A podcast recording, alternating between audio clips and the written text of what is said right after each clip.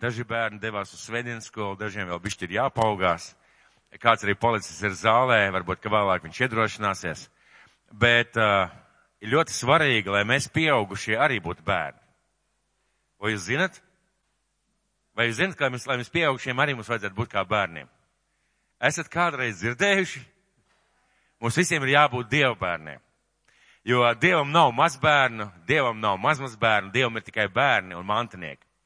Un par dievu bērniem mēs kļūstam tad, kad mēs pieņemam, noticam, ka Jēzus Kristus ir Dieva dēls, ka pieņemam viņu savu par savu kungu un savu glābēju, ar lūpām apliecinām. Mēs kļūstam par Dievu bērniem, bet tad ir nākušais solis, ko Dievs mūs aicina darīt paklausībā, mīlestībā, ticībā, paļāvībā uz Dievu un tādā apņēmībā kāpot Dievam. Tas ir kristīties. Kā Bībele saka, Jēzus Kristus vārdā tik pagremdētam, uh, lai nomazgātu veco dzīvi un lai sāk dzīvot jaunu dzīvi. Tas jau ūdens kristības un Bībele tā saka, ka tad, kad mēs kristamies, mēs ieejam it kā Kristus nāvē, atstājam tur veco dzīvi un ceļamies augšā, lai dzīvotu jaunai dzīvei. Un nākošu svētdienu šajā zālē dievkalpojums nenotiks. Svarīgi to būtu dzirdēt draudz cilvēkiem, svarīgi to būtu dzirdēt mūsu ciemiņiem, jo pūkstens 11. no šejienes izies autobus. 11.00 no šejienes iziet autobus, kurš brauc uz Matkulas pagastu, jā, uz viesnamu birzes, kur mums notiks draudz nometne, un svētdien būs arī ūdens kristība dievkalpojums.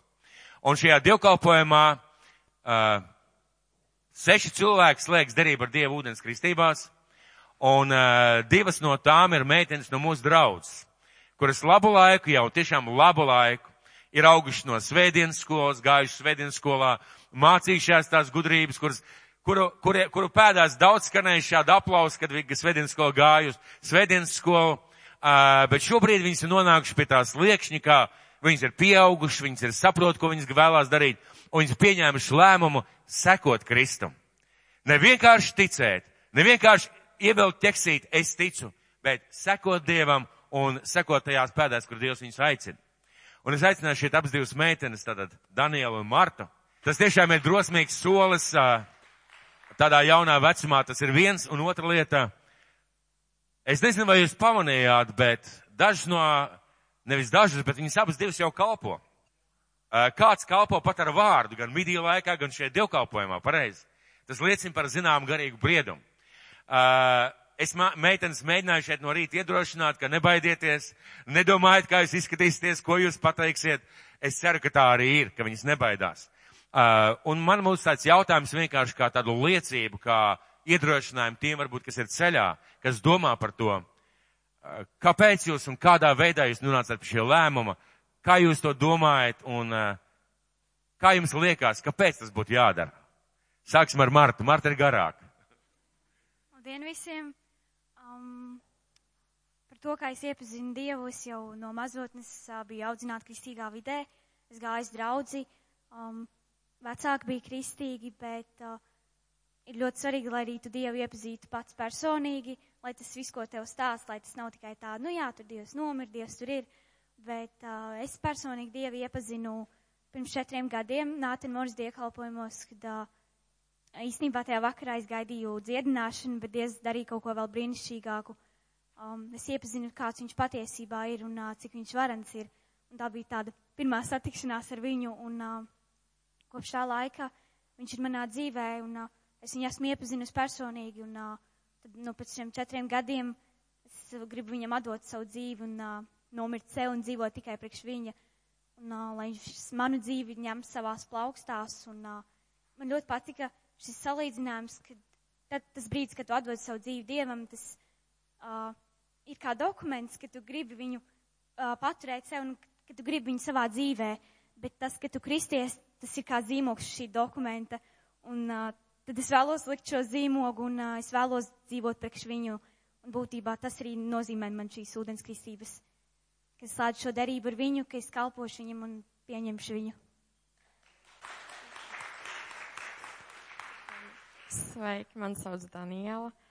Un šī draudz man ir tiešām nākus par lielu svētību daudzās lietās, un, bet uh, dažas no tām ir mājas grupā, kuras iegūst svētā gar kristības, un uh, par pašām kristībām midī manī svētais gars uzrunāja, kad bija atbraucis uh, Maikls sludinātājs un uh, viņa vārdu sauca, ka tad, ja ne tagad. Un uh, šis vārds man ļoti uzrunāja, un pēc tam dziļi sirdī es sapratu, ka es kristīšos tagad vasarā. Un uh, Dievam nav svarīgs mans vecums, bet gan mana sirds, un Bībelē ir uh, pants pirmā Timotejam uh, lai neviens necina tavu jaunumu, bet topi tu par paraugu ticīgajiem darbos dzīvē, ticībā, mīlestībā un šķīstībā.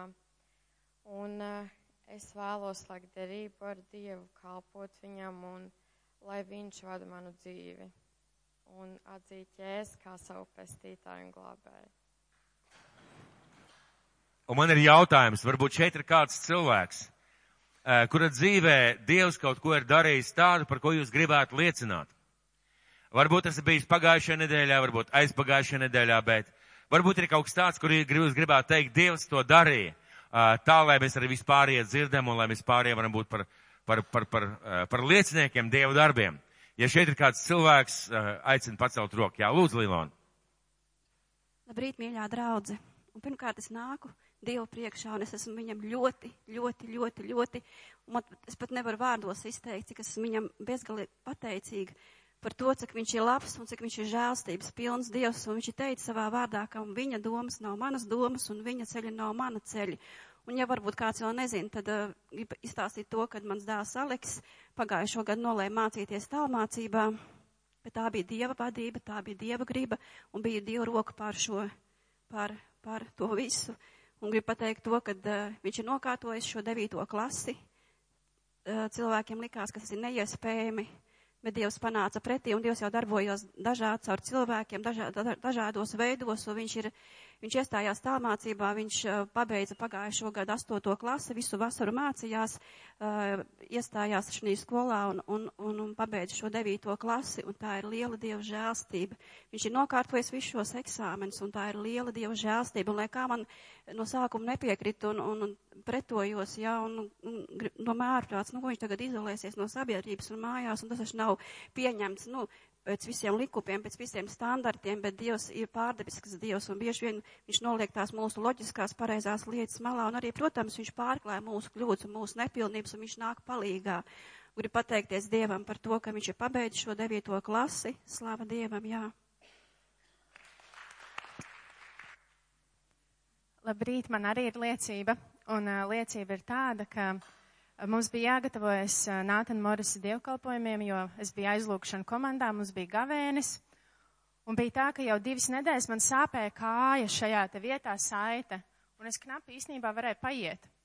Un es tajā laikā darbā paņēmu austiņas, ieliku datorā un vienkārši, lai atslēgtos no tā, kas notiek apkārt, tiešām klausījos dievkalpojums kaut kādus, nu, visādus sludinātājus, gan latviešu, gan, gan, gan, gan ārzemju. Un, Un tad es klausījos vienu sludinātāju, un viņš teica tieši par dziedināšanu, viņš teica, ka nosauc kaut kādu sievietes vārdu, viņš saka, tagad uh, tiek dziedināta šīs sievietes labā kāja, kaut kas ar saitēm.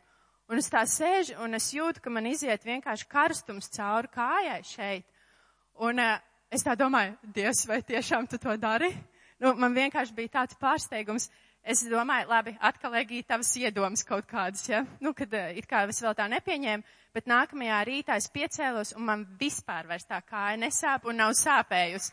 Un es pat uh, vēl braucu ar riteni uz darbu septiņus kilometrus turp apakaļ un es vispār nejūtu nekādas sāpes vairāk. Jā, tiešām paldies Dievam, jo viņš ir īsts, viņš ir reāls, viņš ir dzīves, viņš arī darbojās. Un šodien es gribētu runāt par, manuprāt, ļoti svarīgu mums tēmu. Par ļoti svarīgu tēmu ikviena kristieša dzīvē, ikviena ticīga cilvēka dzīvē. Uh, pat ja tas nenotiek tavā dzīvē šobrīd, pat ja tā nav tavā dzīvē šobrīd, var pienākt mirklis, kad tu atcerēsies šo vārdu. Un vārds saucās, vai Dievs ir ar mani arī tagad? Vārds saucās, vai Dievs ir ar mani arī tagad? Mūsu dzīvē pēc vislielākajām uzvarām, pēc lieliskām konferencēm, pēc lieliskiem dievkalpojumiem, pēc lieliskām lūkšanu rītiem vai vakariem, vai lieliskām lietām, ko mēs piedzīvojam kopā ar Dievu, var atnākt visdziļākā bedra. Visdziļākā bedra, mēs varam iekrist iekšā visdziļākajā bedrē, visdziļākajā problēmā. Un uh, pilnīgs tukšums, pilnīgs izmisums, pilnīgs tuksnes. Es gribu pajautāt, vai jūs saprotat, par ko es šobrīd runāju? Vai jūs saprotat, par ko es šobrīd runāju? Un Dievs zina, Dievs zina, ka mūsu dzīvē tā reizēm notiek. Un es zinu, ka mums visiem tur ir gadījies būt. Ja kāds saka, es vienmēr tikai ar Kristu, es vienmēr tikai uzvarā, taisnība, bet cik bieži mūsu dzīvē ir šīs bedres, kurās mēs esam, pie kam tā nav vieta, kur tu gribētu būt. Tā nav vieta, kur tu nonāc bieži vien savas vainas dēļ. Tā nav vieta, kur tu nonāc tāpēc, ka tu esi slikts vai labs. Vienkārši dzīvē tā notiek. Tu pakrīt, cilvēks sagrēko pret tevi, apstākļi tā iegrozās, un tu esi tajā bedrē, un tu tur iekšā sēdi, un tu nezini, kā tikt ārā. Un cik svarīgi mums, kad mēs esam bijuši tur tajā vietā, ir bijis zināt, zināt un sajust, ka Jēzus ir blakus. Cik svarīgi ir bijis zināt un sajust, ka Dievs tevi nav atstājis, ka Viņš ir blakus kopā ar tevi, ka tu neesi viens, ka Viņš nav nekur aizgājis. Cik daudziem no mums patīk 23. psalms? Cik daudziem mums patīk 23. psalms? Lielākā daļai, pareizi? Lielākā daļai. Ziniet, kāpēc? Cik krāšņi un skaisti un fantastiski vārdi. Tas kungs ir mans gans, man netrūks neniek. Esat tā domājuši, esat tā lūguši, esat priecājušies. Tas kungs ir mans gans, man netrūks neniek. Slavu Dievam, pareizi. Viņš man liek ganīties zaļainās ganībās. Viņš mani vada pie skaidra ūdens. Viņš atspirdzina manu dvēseli un ved mani pa taisnības ceļiem. Tava vārda ceļ. Dēļ. Vai izskatās zirgā?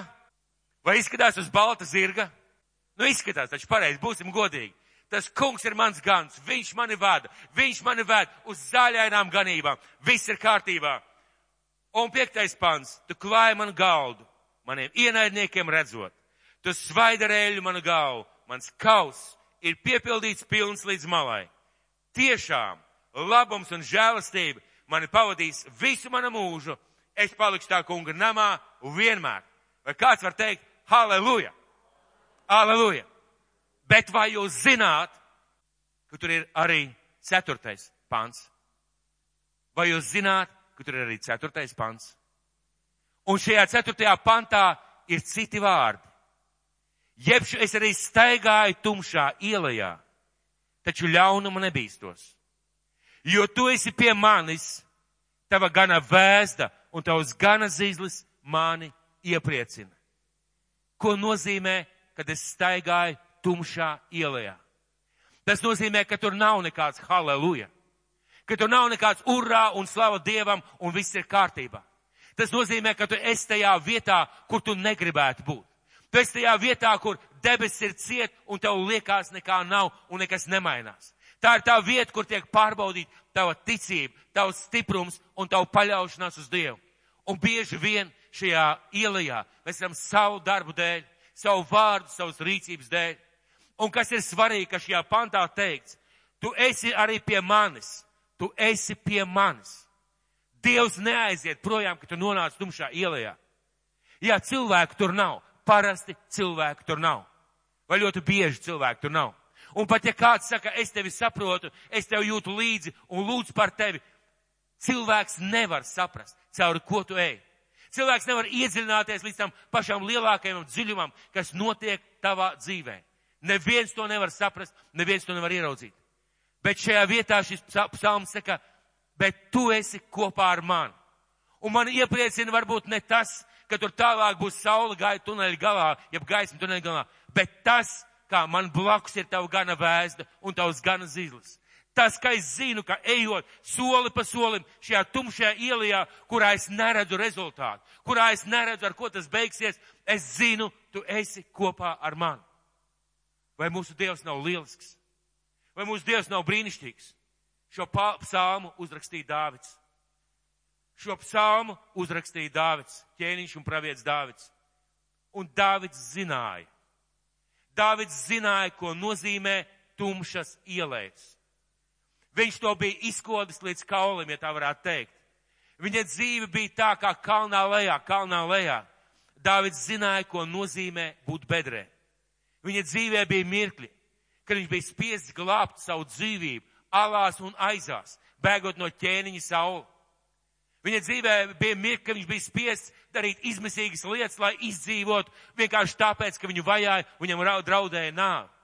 Viņa dzīvē bija mirkļi, kad viņš aiziet karot.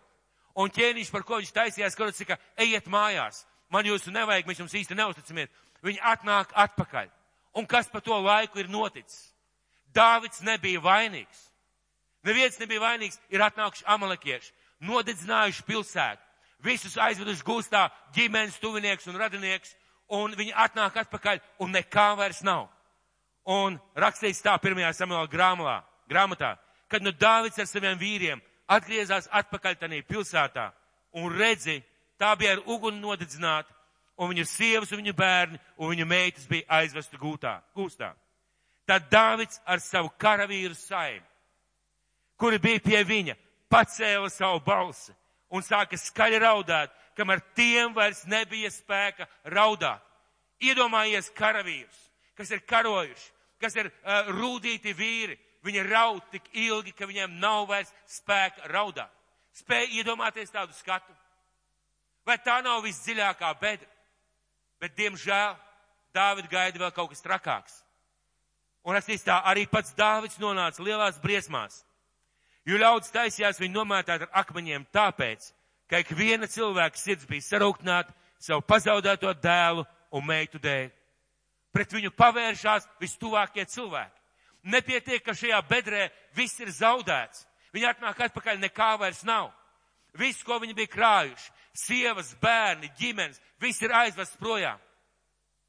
Pret viņu pagriežās pat viņa tuvākie cilvēki. Tie, kurus viņš bija izvilcis ārā no nepatikšanām, kurus viņš bija apmācījis, kurus viņš bija izveidojis, kur, kuri bija kopā ar viņu, kur, kur bija teikts, ka mēs esam viena sirds un dvēseli. Šie vīri tāpēc, ka viņi saka, Dāvid, tu esi vainīgs, tu mūs ievedi, tu mūs aizvedi, mēs tev paklausījām. Viņi taisās viņu nomētāt ar akmeņiem. Dāvids zināja, ko nozīmē šī bedra. Un rakstīts, bet Dāvids ieguva jaunus spēkus, paļaudamies uz to kungu savu dievu. Visā šajā situācijā, visā šajā liekas neaprakstāmajā situācijā, Dāvids zina, ka Dievs viņu nav atstājis. Dāvids zina, ka Dievs ir kopā ar viņu šajā situācijā. Droši vien, ka Dāvids uzdeva jautājumu, kāpēc Dievs, ko es esmu izdarījis, bet viena no lietām ir skaidra. Dāvids zina, ka Dievs ir kopā ar viņu. Un tieši tāpēc, ka viņš zina, viņš griežās pie Dieva. Viņš meklē Dievu, viņš sauc uz Dievu. Un tajā situācijā, kurā viņš ir, Dievs pēkšņi pārdabiski neatgriež ģimenes atpakaļ. Bet Dievs saka, celies un ej. Dāvids jautā, vai man dzīties pakaļ. Dievs saka, celies un ej. Tu atgūsi visu. Un šajā visdziļākajā bedrē Dievs ir kopā ar Dāvidu un izved Dāvidu ārā no šiem visām trakajām lietām.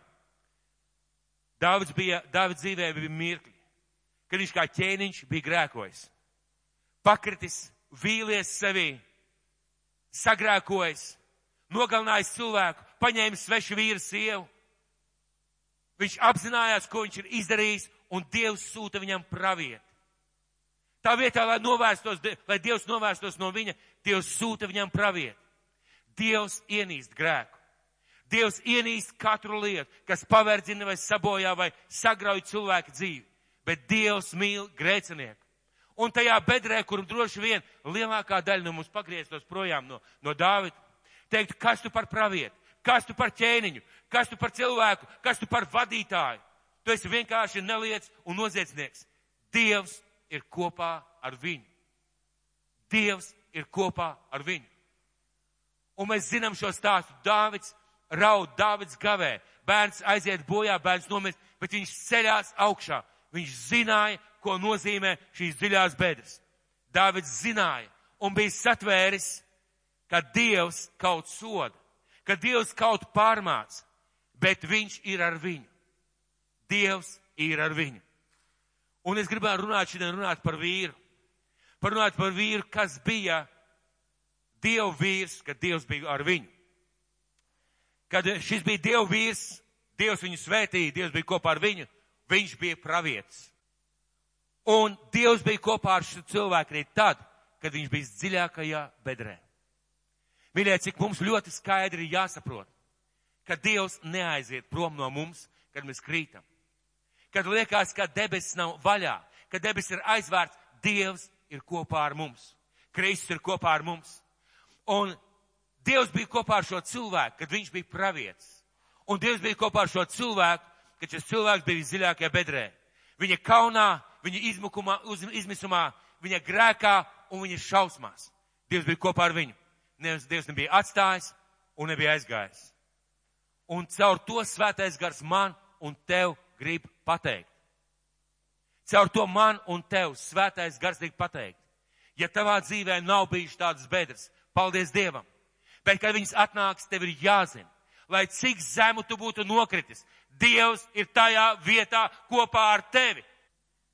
Lai kāda būtu tā bedra, Dievs ir tajā vietā kopā ar tevi, lai palīdzētu tev celties. Un nevis, lai tev grautu vai iznīcinātu, bet lai palīdzētu tev celties. Lai kas tavā dzīvē notiek. Tu nevari nokrist tik zem, lai Dievs nebūtu tajā vietā kopā ar tevi. Un ja tavā dzīvē ir tāds mirklis, tad zini, Dievs nekur nav aizgājis. Dievs ir kopā ar tevi. Un atšķirsim praviešu Jonas grāmatu. Praviešu Jonas grāmata, pirmā nodaļa. Es nezinu, kā jums, bet manā bībelē rakstīts pravieša Jonas grāmata. Jums arī tā rakstīts. Paskatieties savā bībelē. Vai tur rakstīts pravieša Jonas grāmata?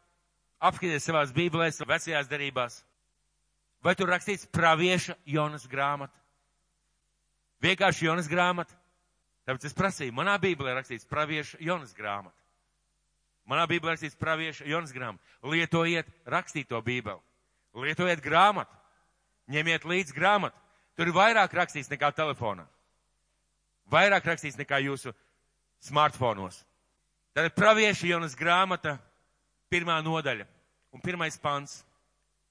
Tad atklājās tā kunga vārds Jonam, Amitēja dēlam, un tas kungs teica, celies un dodies uz lielo pilsētu Ninivi, norāja to un paziņot tai, ka tās ļaunie darbi jau nonākuši mana vaiga priekšā. Kāds pagodinājums? Vispirms Dievs runā ar Jonu. Mēs zinām, ka tajā laikā Dievs nerunāja ar visiem cilvēkiem, vai ne? Dievs nerunāja ar visiem cilvēkiem. Dievs runāja ar īpašiem izvēlētiem cilvēkiem, un šajā vietā Dievs runā ar Jonu. Tas vien jau ir tā vērts, lai par to atdod savu dzīvi. Otrā lieta - kāds svaidījums. Ej un pasaka pilsētai Ninivei, norāja viņu. Tev ir autoritāte norāt un pamācīt šo pilsētu. Kāda privilēģija? Nes manu vārdu. Nes viņiem vēst. Fantastiski, pareizi.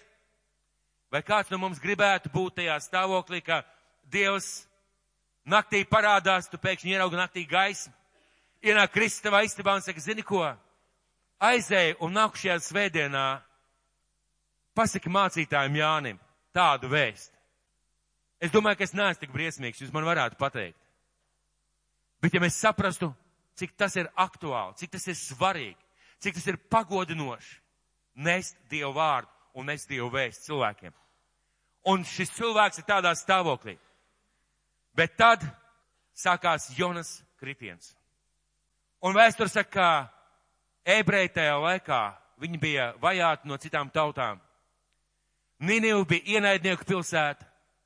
Un Dievs saka, ej norāj, ej norāj šo pilsētu, pamāc viņu, jo tās lietas, kas nonākšana mana vaiga priekšā, un ir skaidrs zināms. Vēlāk no teksta mēs varam saprast, ka Dievs saka, es gribu viņus mainīt, es gribu viņus glābt.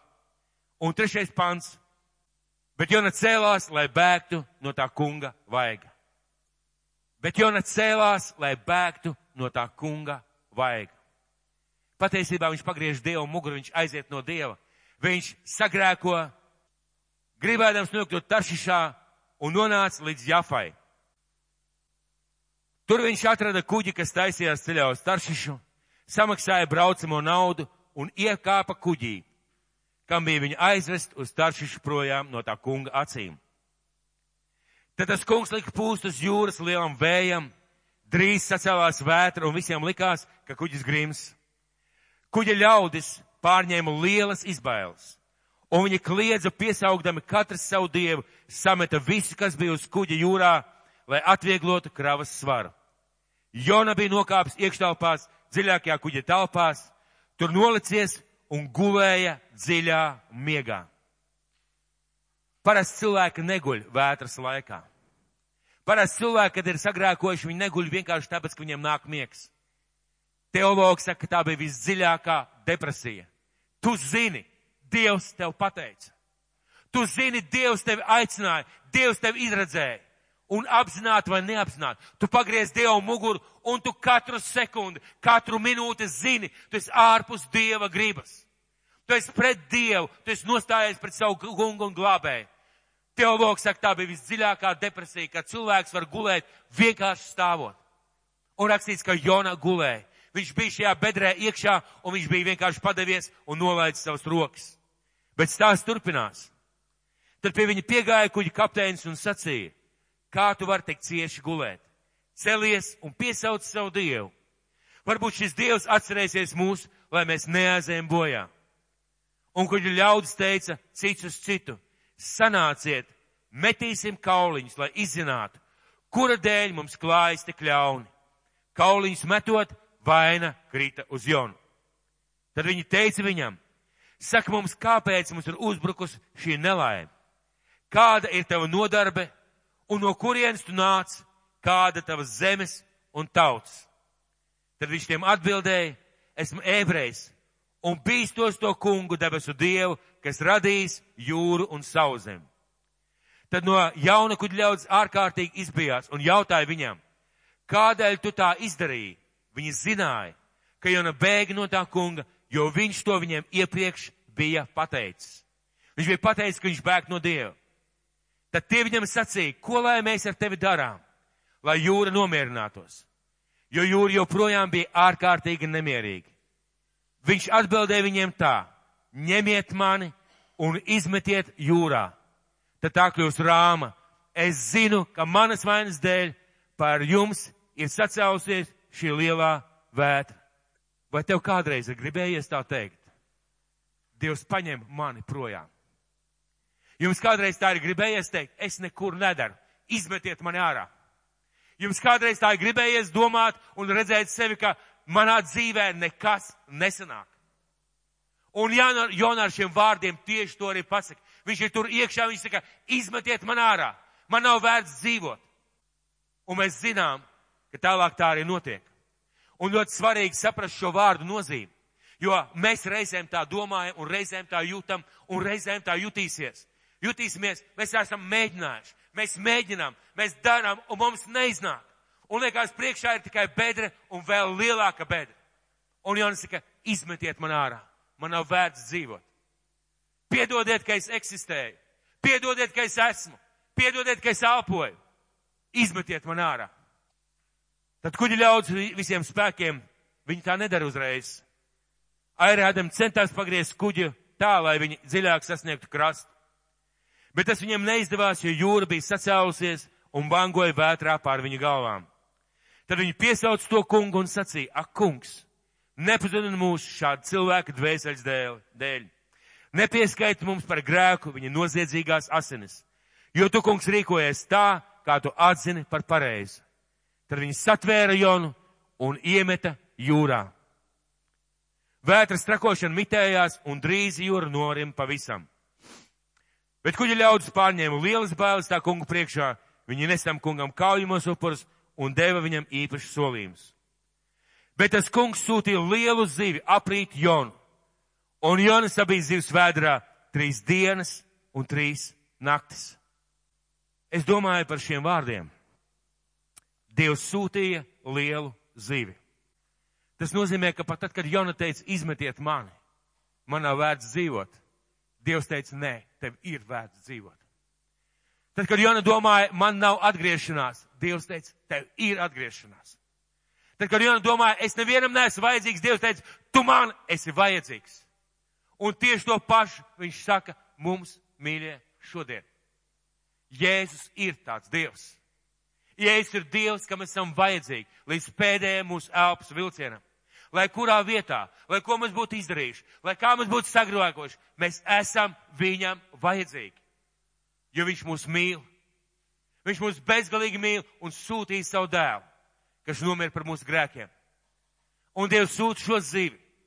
Un Jona ir trīs dienas un trīs naktis. Vai jūs spējat iedomāties, kā ir būt zivs vēderā? Droši vien, ka viens mēs nespējam. Esmu skatījies, kaut kur redzējis raidījumu, ka ir bijuši cilvēki, kuriem ir bijušas kaut kādas līdzīgas lietas. Un, nezinu, varbūt maldīga informācijas, to nevar atsaukties, bet šie cilvēki teica šajā raidījumā, ka tam vajadzētu būt drausmīgi, smaka, tumsa, pietrūkst gaisa, skābe. Tam vajadzēja būt drausmīgi. Un Dievs neļauj Jonam aiziet. Ne tāpēc, lai viņu pamocītu, bet tāpēc, ka Dievs bija kopā ar viņu, kad viņš bēga ar šo kuģi.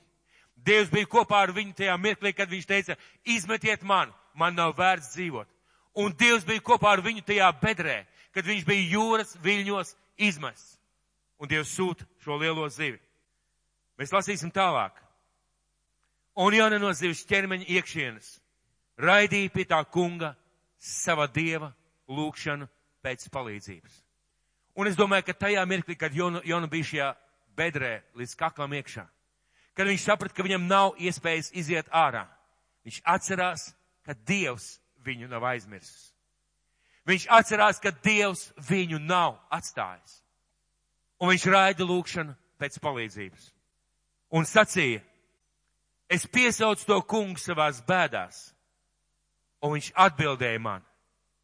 Es kliedzu no pazemes dziļumiem, un tu sadzirdēji manu saucienu. Mīļie, mēs reizēm esam šajās vai būsim šajās pazemes dziļumos, un mums ir jāzina, ka Kristus sadzirdēs mūsu saucienu. Ka nekad viņš neaiztaisīs ausis, kad mēs no dziļākās bedres sauksim uz viņu. Tu iemet mani dzelvē pašā jūras vidū, kur man no visām pusēm apņēma traumas visas tevis sūtītās bangas un viļņu kalni vēlās man pāri. Tā ka man šķita, es esmu izstumts galīgi projām ārpus tavu acu skatienu. Un man nekad vairs neredzēt tavu svēto namu. Līdz pašiem manas, dziļ, man, pašiem manas dziļ, dzīvības dziļumiem man bija apklājuši ūdeņi, viss apkārt man bija ietvēruši dziļumi, niedras bija apvījušās ap manu galvu. Es biju nolaidies līdz dziļākajiem kalnu pamatiem. Zemes aizsprosti šie bija aizdarījušies aiz mani uz mūžu. Bet tomēr, bet tomēr tu, bet tu tomēr esi līdz manai dzīvībai pacelties augšu no šīs tumšās bedres un izglābis to no pazušanas, ak, kungs, mans dievs. Un kad mana dvēsele bija pagurus, bailu mazdošībā, es atcerējos tevi, ak, kungs, un mana lūkšana nonāca pie tevis tavā svētajā namā. Tie, kas turas pie nīcīgiem viltus dzīvi, dzīvi, dievībām, zaudē savu žēlstības tiesu, bet ar pateicības prieku es nesīšu tev savus upurus. Arī tev manā īpašā solījuma solītā es pienesīšu kā brīvprātīgu pateicības upari. Glābšana ir pie tā kunga. Tajā vietā, kur Jona bija, Tajā vietā, kur varētu nosaukt par šausmīgu vietu. Tajā vietā, kas bija visdziļākā bedra, kādu vien varēja iedomāties, kā viņš saka, es domāju, ka aiz manis jau ir aizvērušās durvis. Viņam pēkšņi nāca šī atklāsme, šī sapratne, par ko es šodien mēģinu runāt, ka Dievs viņu nav atstājis. Un viņš paceļ savu balsu uz debesīm, un viņš saka, Dievs, bet es zinu, tu mani neesi atstājis. Un ka tavā dzīvē būs kaut kas līdzīgs vai kad cilvēki ir caur līdzīgām lietām, saki šiem cilvēkiem, saki sev, Dievs tevi nav atstājis. Glābšana ir pie tā kunga. Un tas kungs pavēlēja zivī, un viņa izpļāva Jonu malā. Un tas kungs pavēlēja zivī, un viņa izpļāva Jonu malā. Dievs uzklausīja nevis tāpēc, nevis tāpēc, ka gribēja teikt, aha, tagad gan tu man paklausīs. Tagad tu zini pēc kārtas sožu. Bet tāpēc, ka bija kopā ar viņu visās tajās bēdās. Tāpēc, ka Dievs jūta visu, ko jūta Jona. Dievs jūta viņam līdzi un Dievs jūt līdzi mums. Dievs zināja, ka Jona ir pagriezis viņam muguru, bet Dievs viņu neatstāja. Dievs neatstāja tavi, tevi, kad tu esi pakritis un paklupis, kad tev neizdodas, kad liekas, ka viss dzīvē ir garām. Tev ir jāzina, Dievs ir kopā ar tevi. Un tā, kāpēc Dievs šajā mirklī uzklausīja Jonu? Tāpēc, ka viņš bija kopā ar viņu un Dievs dzirdēja viņa saucienu. Tas nozīmē, ka viņš varēja būt zivs vēdrā. Viņš varēja būt visdziļākajā cietumā. Viņš varēja būt pazemē, met, simts metrus zem zemes. Dievs dzirdēja. Viņš savā sirdī varēja būt atstājis Dievu, aizmirsis Dievu, pametis un nodevis Dievu. Bet Dievs bija blakus. Un pēc Jonas lūkšanas Dievs sūta zivī vēsti, izpļauj Jonu malā. Un tāpēc, un tāpēc, ka Dievs bija kopā ar viņu visdziļākā bedrē, tāpēc es savā bībelē varu lasīt pravieša Jonas grāmata. Jo visiem svētiem gadās klupt. Visiem svētiem gadās šis tūkstnes. Un visiem gadīsies.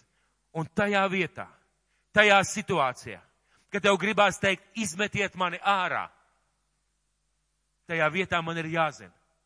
Jēzu, tu vari būt vienīgais, bet esi kopā ar mani. Tu mani nekad ārā neizmetīsi. Tu nepārvilksi manu svītru. Lai kas būtu manā dzīvē, tu mani neatstās. Tāpēc, ka viņš bija Jonam blakus vistumšākajos brīžos, vaļa vēdrā. Dievs viņu gribēja glābt. Dievs viņu gribēja izraut no bēdām un izrāva. Kur atslēga? Kur atslēga Jonas izglābšanas mirklim? Jonas zināja, ka Dievs ir blakus. Jona zināja, ka Dievs ir blakus. Jonas zināja, ka Dievs viņu uzklausīs. Jonas zināja, ka viņš Dievam ir svarīgs. Jonas zināja, ka pat vistumšākajā bedrē Dievs ir blakus. Un viņš piesauca no bedres dziļumiem. Un kungs viņam atbildēja. Ko svētais gars mums šodien ar šo vārdu grib pateikt? Tieši tajos mirkļos, kad tu jūties nevajadzīgs un lieks.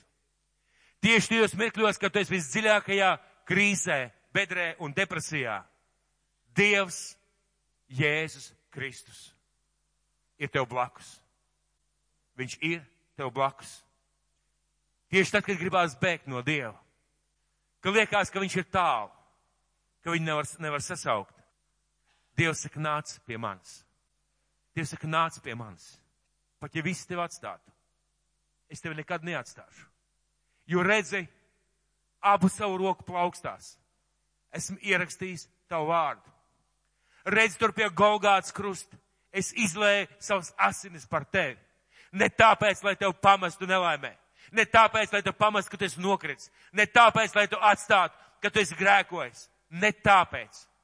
Bet tāpēc, lai tu vienmēr varētu saukt uz debesīm un vienmēr varētu saņemt palīdzību.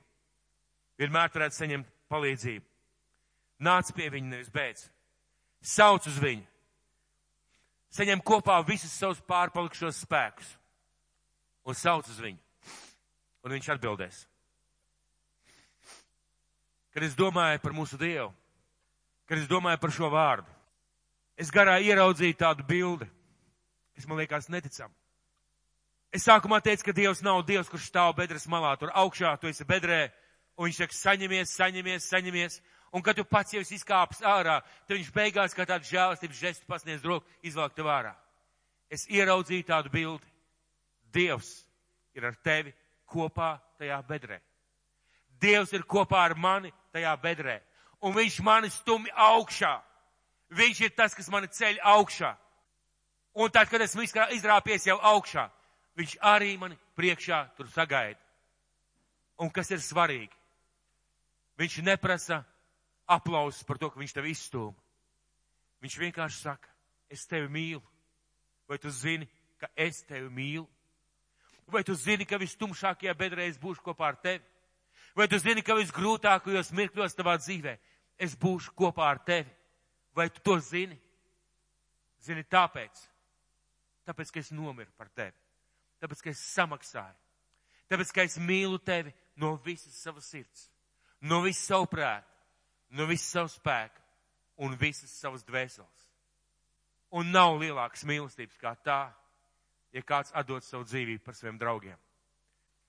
Ja tavā dzīvē ir lieta, ka tu jūti, ka tu esi tur, par ko es par tevi runāju, ja tev liekas, izmetiet mani ārā. Ja tev liekas, ka tu esi tajā Jonas, tajā vaļa vēdrā, ja tev liekas, ka tu esi pagriezis muguru Dievam un beidz no Dieva savā dzīvē, es gribētu tev teikt, vienkārši meties uz saviem ceļiem. Meties uz savu vajag, savu garīgā vajag vai fiziski.